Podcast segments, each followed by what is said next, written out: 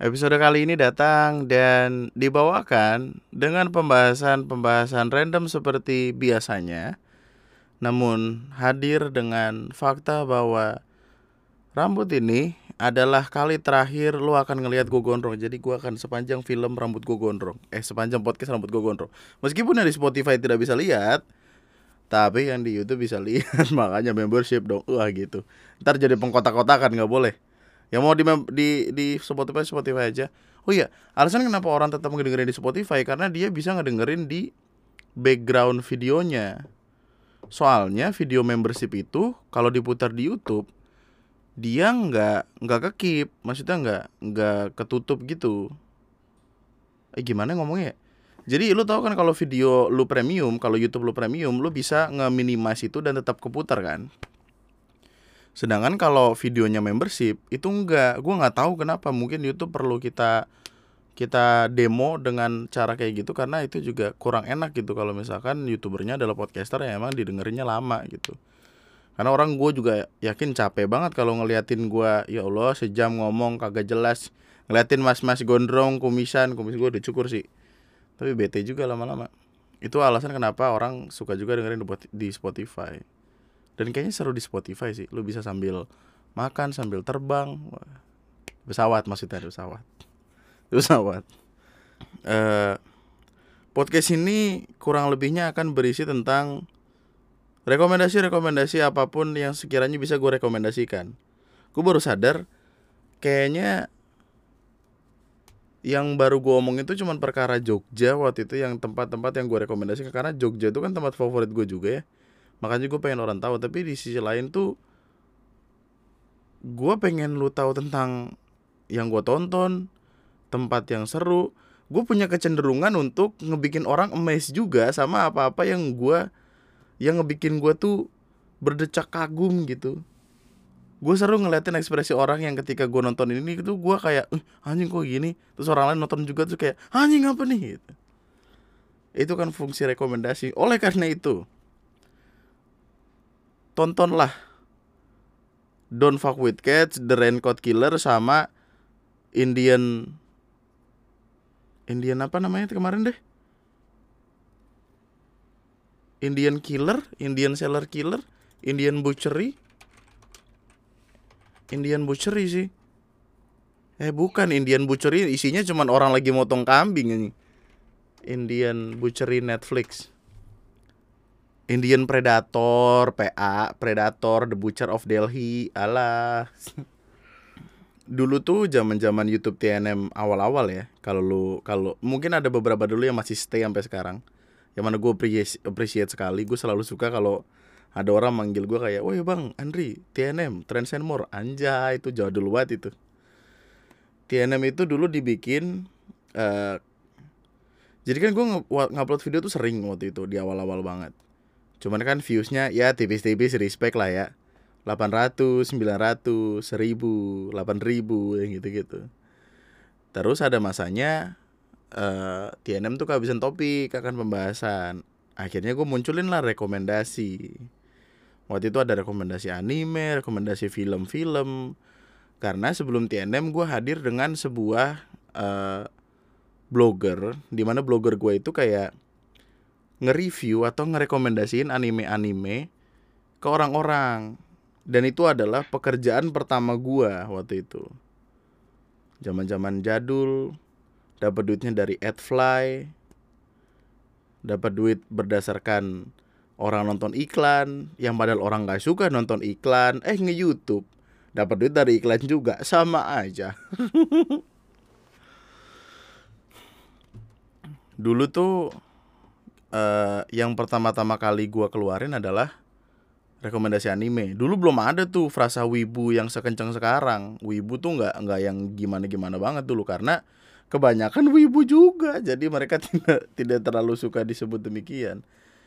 Anime kan zaman-zaman gua awal-awal anime banget itu berasal dari Sword Art Online. Buat lo yang zaman bocah tuh mungkin kayak uh, baru dengar atau temen lu tiba-tiba ngomongin itu itu di tongkrongan gue tuh di di rumah yang dulu kan gue ada teman-teman yang emang suka ke warnet juga kan. Itu biasanya gitu download anime dibawa pulang ditonton di laptop.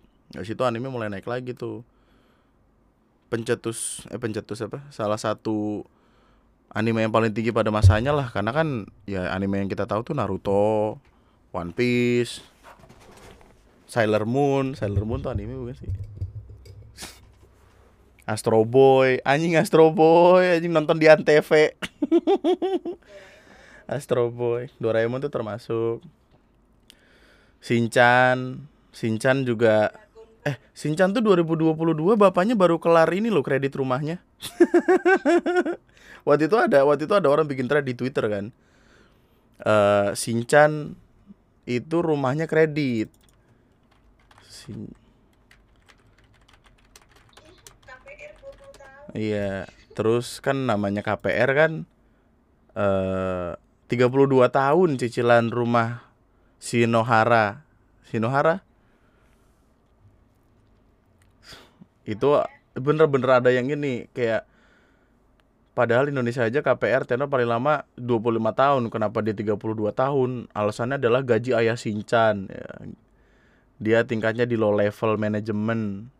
Anjing sampai pekerjaannya ketahuan gajinya sekitar 486 ribu yen atau sekitar 64 juta. Tapi ya seperti kita tahu rumah-rumah di itu tuh mahal di Jepang. Pengeluaran biaya hidup harga rumah. Sampai ada yang tahu kayak rumahnya Shinchan tuh 94 meter persegi. Rumahnya tuh di Saitama. Saitama tuh salah satu distrik gitu prefecture gitu. Rumahnya harganya ada ada salah satu rumah dengan luas tanah 103 itu harganya 3,5 miliar. Masuk akal lah kalau gaji lu 64 juta pun kalau rumahnya 3 miliar ya capek juga. Enggak dia cicilan rumahnya per bulan. 3,3 miliar itu harga rumah, 64 juta itu per bulan. Terus dia juga ada cerita yang dia sempat renov rumah, astaga akhirnya dia nyewa kos-kosan di Saitama 5,9 juta per bulan. Anjing kos-kosan 5 juta bro. Di 5 juta per bulan tuh kos-kosan di Indonesia dalam rumah lu ada rumah lagi. Eh. dalam kos-kosan lu ada rumah gedong tuh begitu 5 juta sebulan anjing. Setahun berapa ya? Setahun 50 60 juta. 5 juta per bulan Cuman anime-anime yang gue suka tuh ya, ya sebut deh One Piece obviously. One Piece kayak yang pernah gue bilang di podcastnya Ariano Frianus tuh Romance Down. One Piece tuh nggak ada di nggak ada di leaderboard. One Piece tuh di rekomendasi nomor 0 itu dia paling tinggi di antara yang tertinggi. Nggak ada lagi tuh nggak ada lawan. Terus uh, sebenarnya gini deh kita kita berjalan ke One Piece deh. One Piece gue cinta sekali. Karena ada sentimental value yang dibangun. Men, maksudnya animenya aja tahun 97 bukunya lebih lebih dulu dari itu. Berarti kan udah lama banget menemani kan? Dan yang namanya ditemani dari kecil itu pasti sentimental sentimental value-nya tuh kayak makin tinggi tinggi tinggi gitu. Gue sempat bilang bahkan di di apa di live streaming apa di podcast kalau gue nggak salah gue rasa tuh kayak ketika nanti One Piece tamat gue akan jadi orang yang ngebaca komiknya di teras rumah. Ada istri lagi nyabutin cabe ya kan pohon punya pohon sendiri tuh di depan ya kan. Anak-anak lagi berlari-lari. Gue nontonin komik komik One Piece terakhir. Balik buku balik buku halaman terakhir gue nangis kemudian gue mati gitu. Yang gue pikir itu gitu saking lamanya karena karena bayangannya adalah uh, Echiro Echiro Oda creator One Piece penulisnya eh apa komik komikus pokoknya creator One Piece itu tuh bilang kayak estimasi selesai dalam beberapa tahun. Eh lewat. Sedangkan ini mau baru mau masuk final. Yang mana estimasinya tuh bisa 4 sampai lima tahun. Yang mana orang jadi bingung ini kayaknya enggak dah Kayaknya lebih lama lagi dah. Sama kayak Toy Story 3. Toy Story 3 apa 4 ya yang paling baru ya? 4. Toy Story 4 tuh yang nonton ada beberapanya orang gede gitu karena dia emang di di apa menemani di masa-masa ABG di masa-masa kecil cuman ada perdebatan perdebatan di Twitter datang karena kenapa sih semua orang harus nonton One Piece kan punya apa kan kita punya pilihan mau nonton atau enggak gitu. Kayak apa ya sederhana itu gue pikir orang-orang yang nonton One Piece adalah orang-orang yang emang suka sekali dengan itu. Sampai akhirnya bener-bener pengen orang lain buat nonton juga buat merasakan apa yang dia rasakan. Tapi ya balik lagi selera adalah selera.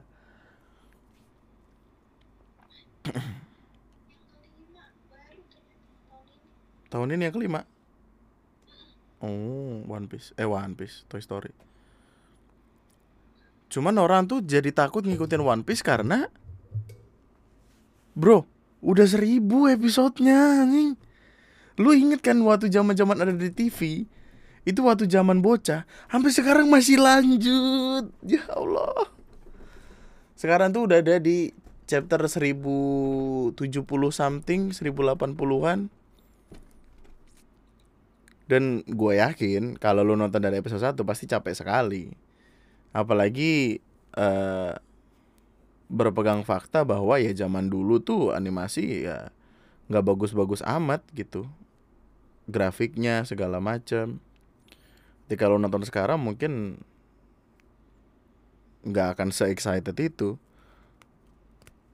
Tapi alasan kenapa banyak orang pengen lu nonton One Piece karena men seri itu udah ngebikin gua nangis berkali-kali sampai bleberan gitu loh kayak yang scene kita mulai dari awal-awal deh scene yang uh, rekrutmen Nami Nami itu yang megang peta gitu apa namanya navigator di One Piece yang mana itu membungkam fakta bahwa cewek nggak bisa pakai Google Maps itu Nami bisa wah dipakai buat megang maps mengitari lautan gitu.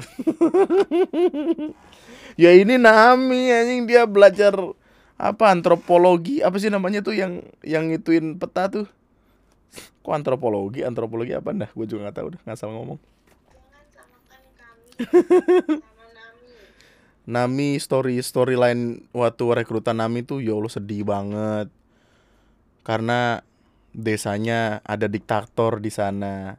Nah ini yang dimaksud sama orang-orang tuh relatability-nya dapet karena pasti di beberapa tempat tuh ada satu kepalanya yang kelakuannya kayak tai gitu.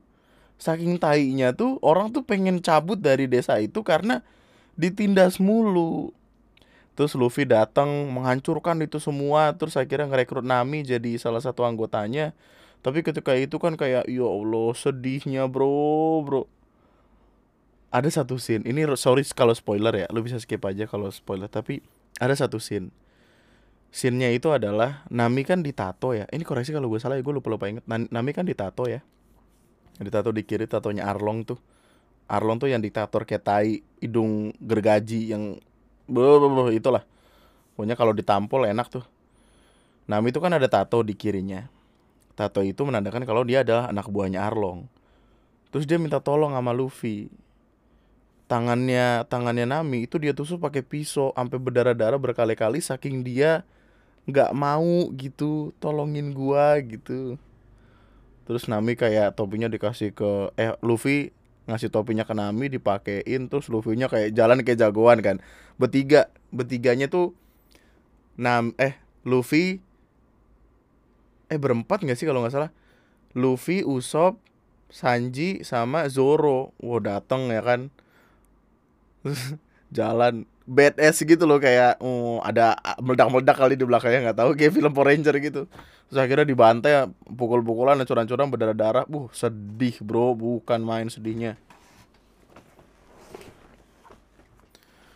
Terus abis itu yang uh, perkara Robin Robin kan ditangkap nih sama government nih sama pemerintahan dunia gitu karena dia orang spesial lah dia satu-satunya satu-satunya dari uh, spesies eh, spesies apa masyarakat apa sih namanya suku tertentu gitulah yang punya kekuatan tertentu gitu bisa ngebaca sesuatu yang orang lain nggak bisa baca. Robin itu niatan awalnya tuh kayak pengen ngehianatin gitulah tapi akhirnya luluh tuh sama Luffy terus kayak yang ditanya bilang lu pengen hidup gitu. Terus kayak Robin dari atas iya gue pengen hidup gitu. Akhirnya karena temen si Luffy sampai si Luffy nyuruh nyuruh si Usopp kan bakar bendera pemerintah. Yang padahal artinya adalah ya udah Luffy dan kawan-kawan pengen menantang menantang govern government nih ani jadi kayak jadi kayak lu nih Steam sama PayPal di blok nih, diblokir nih. Kan lu gedek ya, kayak tai nih gitu. Ayo kita nge-tweet wah, menyalakan genderang perang nah, gitu. Akhirnya lu dicari. Soalnya di, di Twitter ada orang yang sampai di WhatsApp sama orang-orang gak jelas, diancam segala macem karena terlalu vokal akan itu. Ya mana tidak boleh dong katanya demokrasi gimana? Orang kita lagi memperjuangkan hajat hidup orang kok. Ya kan freelancer hidupnya ada beberapa yang menerima pembayaran dari PayPal. Wah. Akhirnya bendera Komkom itu dibakar. Jah gitu. Ribut. Terus ada nih gue saking amazed-nya sama cara cara anime ini bekerja adalah karena kita tuh bahkan bisa dibikin nangis dari kapal yang dibakar gitu. Maksudnya perpisahan orang sama kapal. Kita nangis aja gue itu scene itu coba scene kalau nggak lu cari di YouTube deh. Uh, farewell going merry go gitu.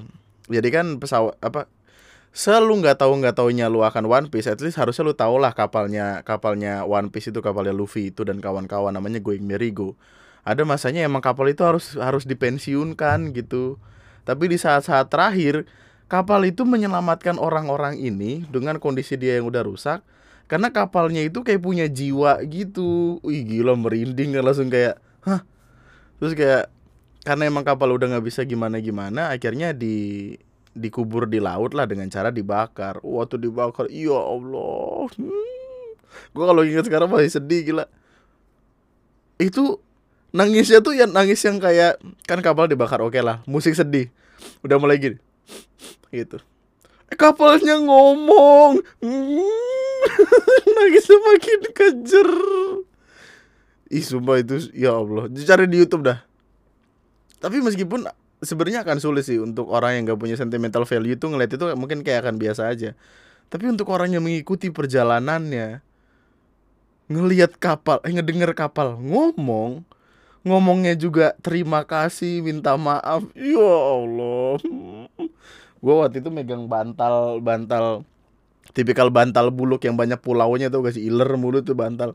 Nangis merembes saya sampai ketak. Jadi kan gue nangis di atas nih bantal bantal gue taruh di tangan tangan gue yang bawah kerasa airnya nembus aja ya Allah gue keluar kamar sama gue nanya kenapa mas nggak apa-apa. Kapal mah dibakar.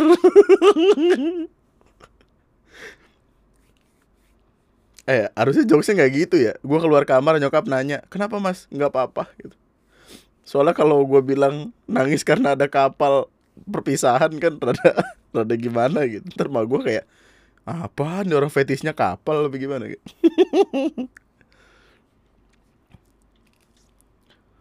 Waktu mungkin ada beberapa dari lo yang udah sempet nonton IG Reels atau TikTok gitu.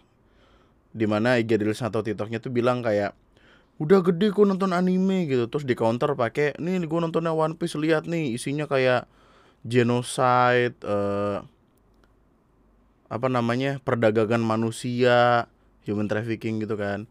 Terus kayak percobaan yang gitu. Dan emang bener itu ada gitu. Dan universe-nya tuh seluas itu cuman yang yang bikin gua yang bikin gua emes juga adalah tentang cara dia menggambarkan as, as, a, arti pertemanan ini ini mungkin akan terdengar lama dan mungkin lu buat lu yang gak tertarik uh, udah mulai capek tapi Eh, bodo amat lah. Ada ada satu scene. Uh, Zoro itu tangan kanannya Luffy. Zoro itu pendekar pedang gitu deh. Zoro ini adalah tangan kanan dari si Luffy. Kayak kayak gua Luffy, tangan kanan gua Windu lah gitu. Tangan kanan gua Ara lah gitu. Nah, katakanlah gua nih udah habis perang nih, habis pukul-pukulan sama orang capek segala macem. Tiba-tiba eh, dengan posisi yang udah pingsan, pengen dibunuh nih sama salah satu orang kuat gitu, Kuma. Bukan dibunuh sih kayak ingin ditangkap atau apa gitu. Tapi si Windu, si Zoro itu ngalangin kayak, "Enggak, daripada lu bunuh lu bunuh gua aja. Anjay kan keren ya anjay. Windu anjay gitu.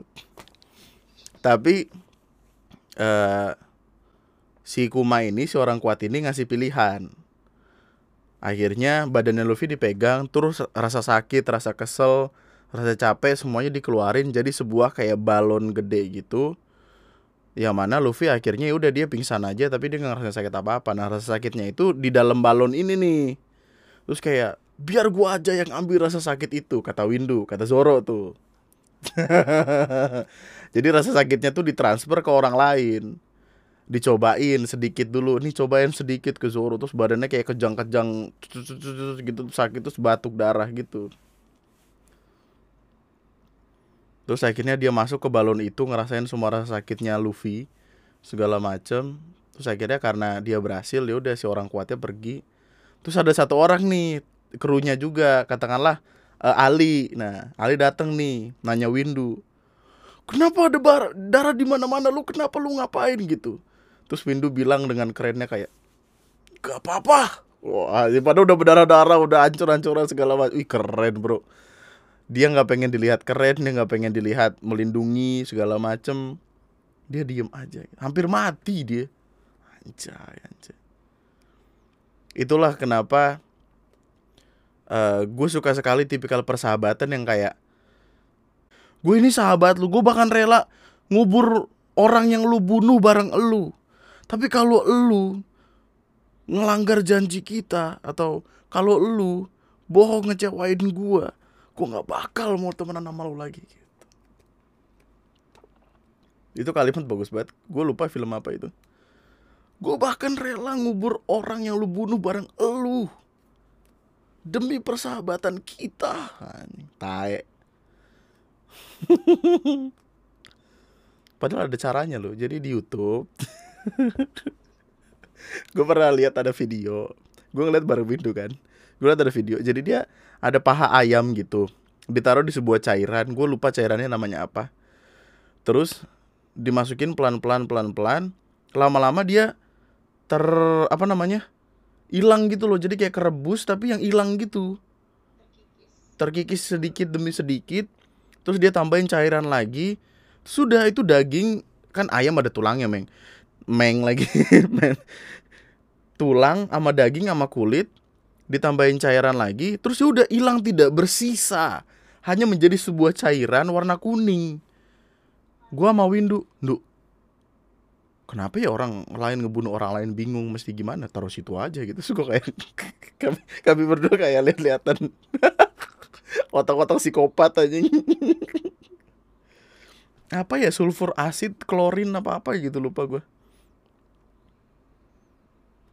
milikilah sahabat seperti Zoro. Dan milikilah kapal supaya kamu bisa nangis sebut deh apa animasi anime anime favorit One Piece satu. Naruto eh Naruto sekarang nggak terlalu gara-gara ada Boruto tae. Bocah tae eh bapaknya nih ya merjuangin Konohagakure. Dari gua bocah. Udah gede udah menang udah berhasil anaknya datang dihancurin. Anak anjing Boruto anjing. Tonton Boruto tahu Naruto kan? Perjuangannya banyak loh dia. Dia dia menyelamatkan dunia dari itu apa orang apa apa sih namanya tuh Jubi Jubi cewek yang ada di bulan itu ngelawan Madara, ngelawan Nobito. Selamat semuanya happy, have fun. Nyawa dibalikin lagi, happy. Tiba-tiba anaknya bandel banget anjing. Orang dari liburan diberantemin sama dia. Meledak kampungnya. Gimana? Udah tae anjing. Boruto tae anjing. Kesel banget. Enggak, Naruto Naruto Naruto sebenarnya uh, karena tontonan bocah kali ya, dari bocah jadi seru ngeliat ini. Cuman ya nggak terlalu. One Piece, uh, Kelanat, Kelanat, Kelanat After Story. Gue selalu bilang kalau orang nonton anime itu tapi nggak nangis, orang itu nggak ada hatinya, men. Asli. Cuh, hmm, nggak nangis lu. Gua nonton. Gua kan nontonin Ara nontonin itu kan. gua nontonin Ara nontonin itu. Karena gue suka banget sama itu akhirnya kayak gue kasih rekomendasi ke Ara tuh. Kelanat. Oh, oh iya iya. Sebelumnya sebelumnya Ara udah nonton Kelanat.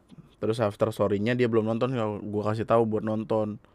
Sedih ya Allah nangisnya tuh kayak Gue pertama kali nonton Ya Allah tisu abis Mah gue curiga ini kenapa tisu abis Nangis mah nangis Jangan negatif thinking Ayo nangis ini.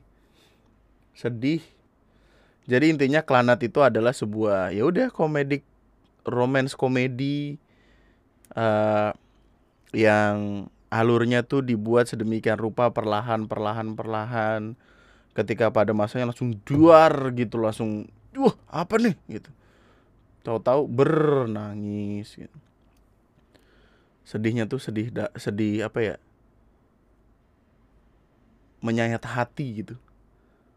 Dari situ pokoknya gue kayak nggak pengen lagi anime-anime sedih-sedih banget tuh kayak capek hati gue nontonnya tuh kayak ngikutin tuh kayak meskipun happy ending tapi hati sakit. Energi gue terkuras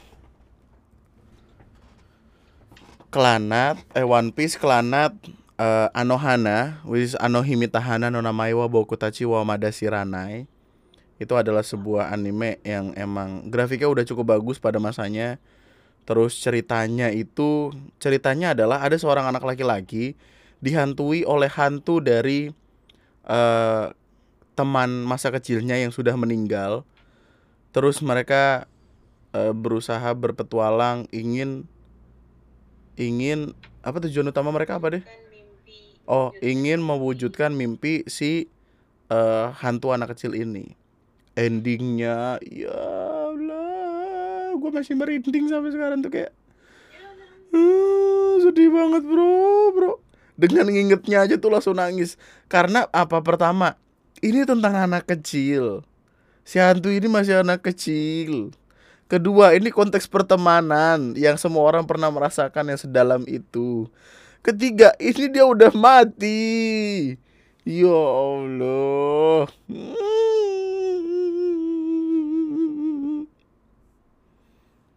Anohana tuh punya tempat tersendiri lah dalam hati gitu. Salah satu anime yang gak mungkin lu di episode episode akhir tuh gak nangis tuh gak mungkin ya. One Piece, Klanat, Anohana, School Days mah bukan rekomendasi itu mm, anime tae itu. Ya, lu tonton dah School Days dah. Gue nggak pengen membocorkan apa yang terjadi, tapi lu tonton dah. Lu rasakan, lu rasakan bagaimana emosi lu tuh terbawa ketika akhirnya endingnya tercapai pengen lu tampol tembok tuh kayak kok gini endingnya? Perasaan harusnya bagus ini film apa? Ini anime apa gitu. Waktu itu gue nonton dengan happy sekali tapi plot twistnya tae dari situ gue mulai mencintai plot twist bro terus anime tuh gue aduh listnya banyak banget gue sumpah dah. Sokugeki no Soma untuk lu yang suka uh, sama masakan apa animasi-animasi ecchi yang nggak tahu kayaknya setiap gerakan tangan atau gerakan pala yang mereka perbuat dadanya juga goyang. Gue juga nggak tahu kenapa itu begitu. Gerakin tangan nih tiba-tiba bu. Ya lah Sao Sao ya standar lah. Lock Horizon standar. Overlord standar. Hunter x Hunter sih. Hunter x Hunter itu cerita yang Kenapa akhirnya di remake lagi? Karena emang bagus anime masyarakatnya seru, eh bagus gitu. Relatable sekali tentang bocah dua bocah kecil yang ingin jadi lebih kuat karena satu dan alasan lain. Uh, Killua Zoldi. Dulu tuh pokoknya gue bucin banget sama anime ini karena apa ya diidam-idamkan sama bocah-bocah gitu loh punya kekuatan gitu bisa nampol orang gitu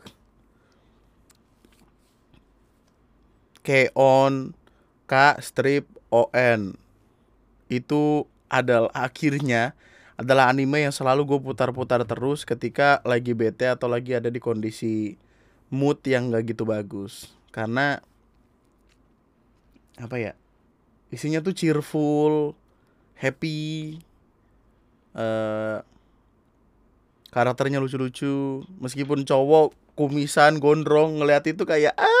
gitu. Kayak gimana sih? Aneh banget ya Attack on Titan atau Shingeki no Kyojin itu anime ada di Netflix by the way. Uh, cuman lu akan capek nontonnya. Manganya udah tamat, jadi tinggal nunggu season terakhir nih. Season terakhir nih baru bakal muncul lagi. Cuman ya bener capek nontonnya. Capek banget bro. Hati lu tuh di pontang panting. Itu tentang intinya. Oh di awal-awal episode aja udah sedih bro. Ada anak kecil. Jadi Titan. Ada ada yang mereka harus lawan adalah Titan. Titan itu tuh kayak manusia gede gitu nggak ada tititnya. Yang kerjaannya makan makanin orang. Terus di episode 1 tuh emaknya emaknya karakter utama dimakan sama titan tersebut gitu. Terus akhirnya dia dendam terus akan kubunuh semua titan di dunia. Kayak ego ego abg tuh guys akan kukuasai dunia. Gitu. Tapi ceritanya dalam uh, terus dari anime ke film Eh dari anime ke series dulu gak sih? Lu nonton Brooklyn Nine-Nine deh di Netflix. Harus tuh gue minta nonton itu kagak ada tonton tonton aja pada itu bagus tuh. Kocak anjing. Brooklyn Ya seasonnya ada 8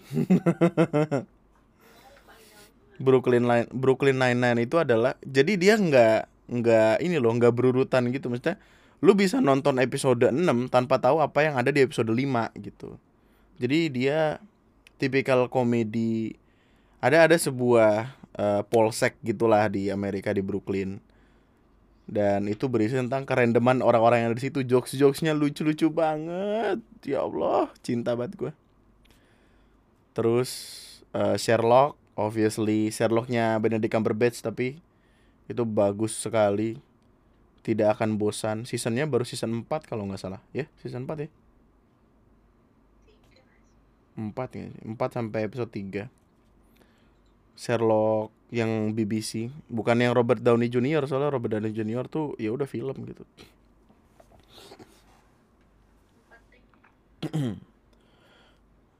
Series yang gue cintai banget sih sejauh ini baru itu. Atau yang ini apa? Yang apa sih nyasar nyasar di planet ya?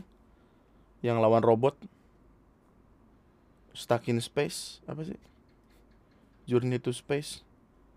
Yang itu loh yang dia pengen pergi ke planet Centauri terus pesawatnya jatuh terus akhirnya dia dibantuin robot into the space lost in space. Lost in space gak sih kalau nggak salah? Iya lost in space. Itu bagus banget tuh. Udah sih gue kalau lo punya rekomendasi series coba kasih tau gue dah gue dari kemarin pengen nonton yang itu apa sih namanya yang dia jual narkoba itu masih yang bapak-bapak botak pakai kacamata. Lupa gue di Netflix. Apaan? Apaan bapak-bapak botak kacamata? Apa lu jawab apa? Hah? Adalah pokoknya gue pengen nonton itu tapi gak jadi. Oke, okay, film. Film itu ada film bener film, ada dokumenter. Dokumenter. Uh, Into the Wild obviously cerita yang apa namanya orang ingin hidup di hutan mencari kesenangan. Jadi dia ini berdasarkan kisah nyata ya namanya juga dokumenter. Lu ikutin ceritanya meskipun grafik apa kualitinya tuh agak udah agak jadul gitu karena ya ini dibuat dari kapan tahu. Terus Don't Fuck With Cats obviously uh, ceritanya tentang seorang Iya dokumenter. Kan film ada dua, ada film benar film, ada dokumenter. Yang dokumenter Into the Wild itu dokumenter. Biografi sih kayak semacam biografi gitu. Terus Don't Fuck With Cats. Jadi ada orang ingin mencari ketenaran dengan cara ngebunuh kucing, kemudian dari kucing kayak dia beralih ke manusia. Eh, uh, nyilu banget itu. Terus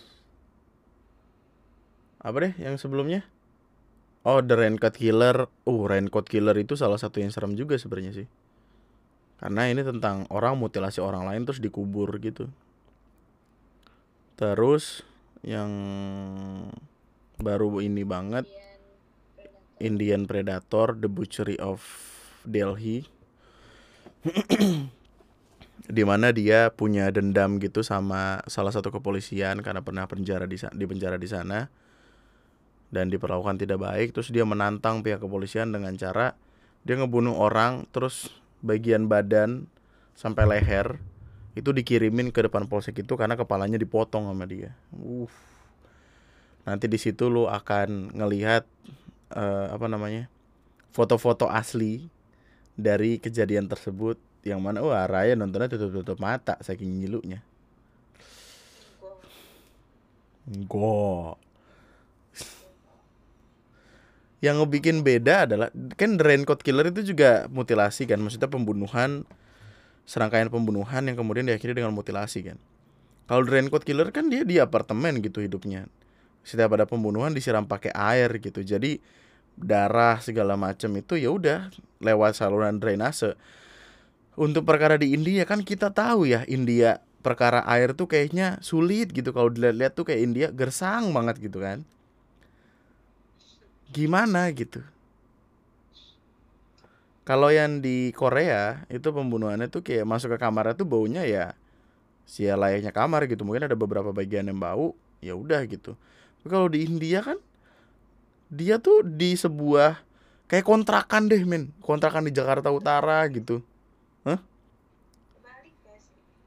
Kalau Korea itu dia kan disiramin air jadi uh, apartemennya tuh at least nggak bau-bau banget lah kalau di India. Nah gitu.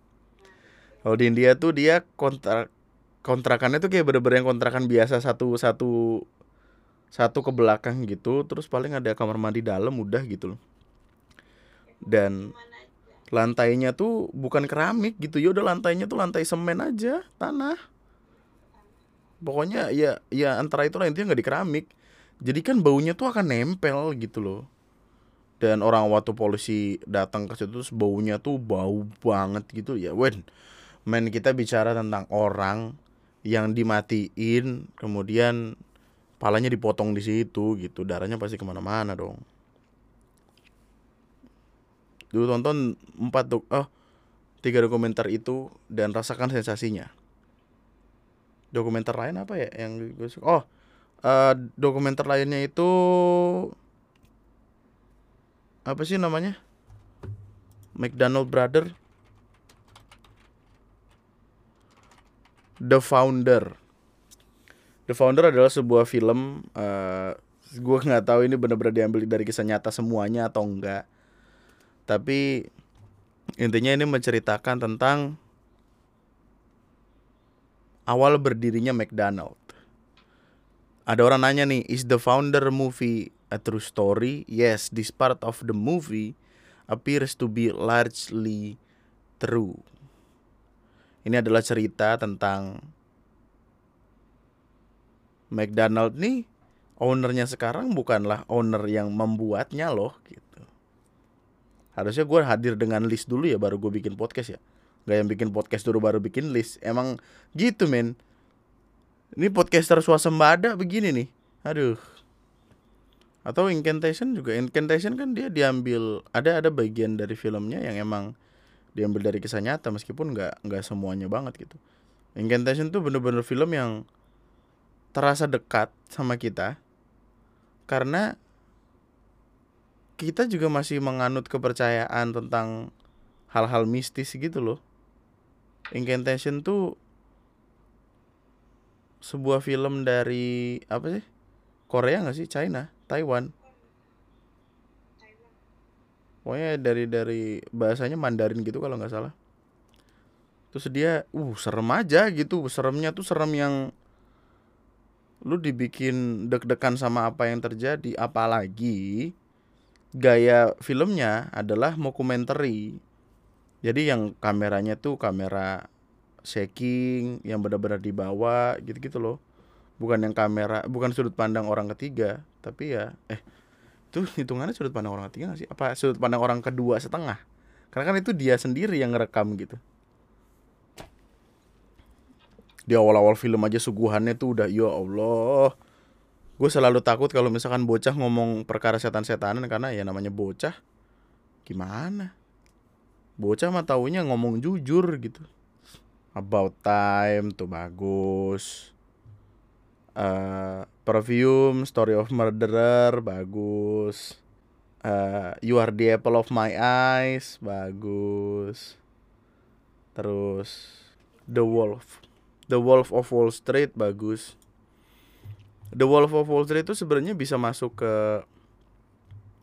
film-film yang bisa lo pakai buat sudut pandang bagaimana caranya pialang itu bekerja. Kan di Indonesia tuh ada tuh apa lowongan-lowongan pekerjaan yang intinya lu nelpon-nelponin orang mulu gitu kerjaan itu ada tuh The Wolf of Wall Street. Terus juga yang hadir sebagai dokumenter juga sebenarnya Catch Me If You Can Catch Me If You Can itu berisi tentang seseorang yang hobinya mengcopy apa sih namanya membuat cek palsu supaya dia bisa dapat duit. Dan ini diambil beneran dari kisah nyata soalnya. Dan orangnya akhirnya kerja di CIA FBI gitu radio galau FM ya Allah radio galau FM gak tuh. Radio galau FM tuh kayak ini gak sih? Kayak film film semua umat. ABG ABG itu ABG ABG sekarang tuh kalau nonton kayak gitu kayak ih gua banget. Ya tae. Film 2012 Radio Galau FM diambil dari sebuah buku. Catatan akhir sekolah. Gue tuh udah sering banget tahu sebenarnya kayak ngasih tahu catatan akhir sekolah karena itu adalah iya ya udah gitu film yang film pertama kali yang bisa ngebikin gua nangis selain tragedi Bintaro. Waktu itu gue nyewa eh gue udah sempat cerita ini pokoknya di podcast gue sempat nyewa CD atau kaset gitu sama boka waktu itu kan pakai DVD lama nonton berdua nangis gue nggak tahu kenapa nggak tahu apa yang bikin gue nangis juga. Apalagi tuh yang waktu di scene scene akhir tuh yang ada orang pakai tongkat buat jalan gitu nangis gue aneh aneh banget catatan akhir sekolah adalah film yang akhirnya gue temukan lagi karena awalnya ketemu di TV terus gue cari link downloadnya karena kagak tahu lagi nontonnya di mana. Terus gue tonton masih sedih masih nangis karena relatable sekali. Hadir dengan soundtrack soundtrack keren dari Moka I remember anjay. Untuk lo yang pengen nonton film bergenre gore gore yang tiba-tiba lu bisa ngelihat ada pala orang dipukul pakai palu segede gaban terus pecah Midsommar solusinya. Tapi nontonnya yang uncut. Beda beda gue biasanya kan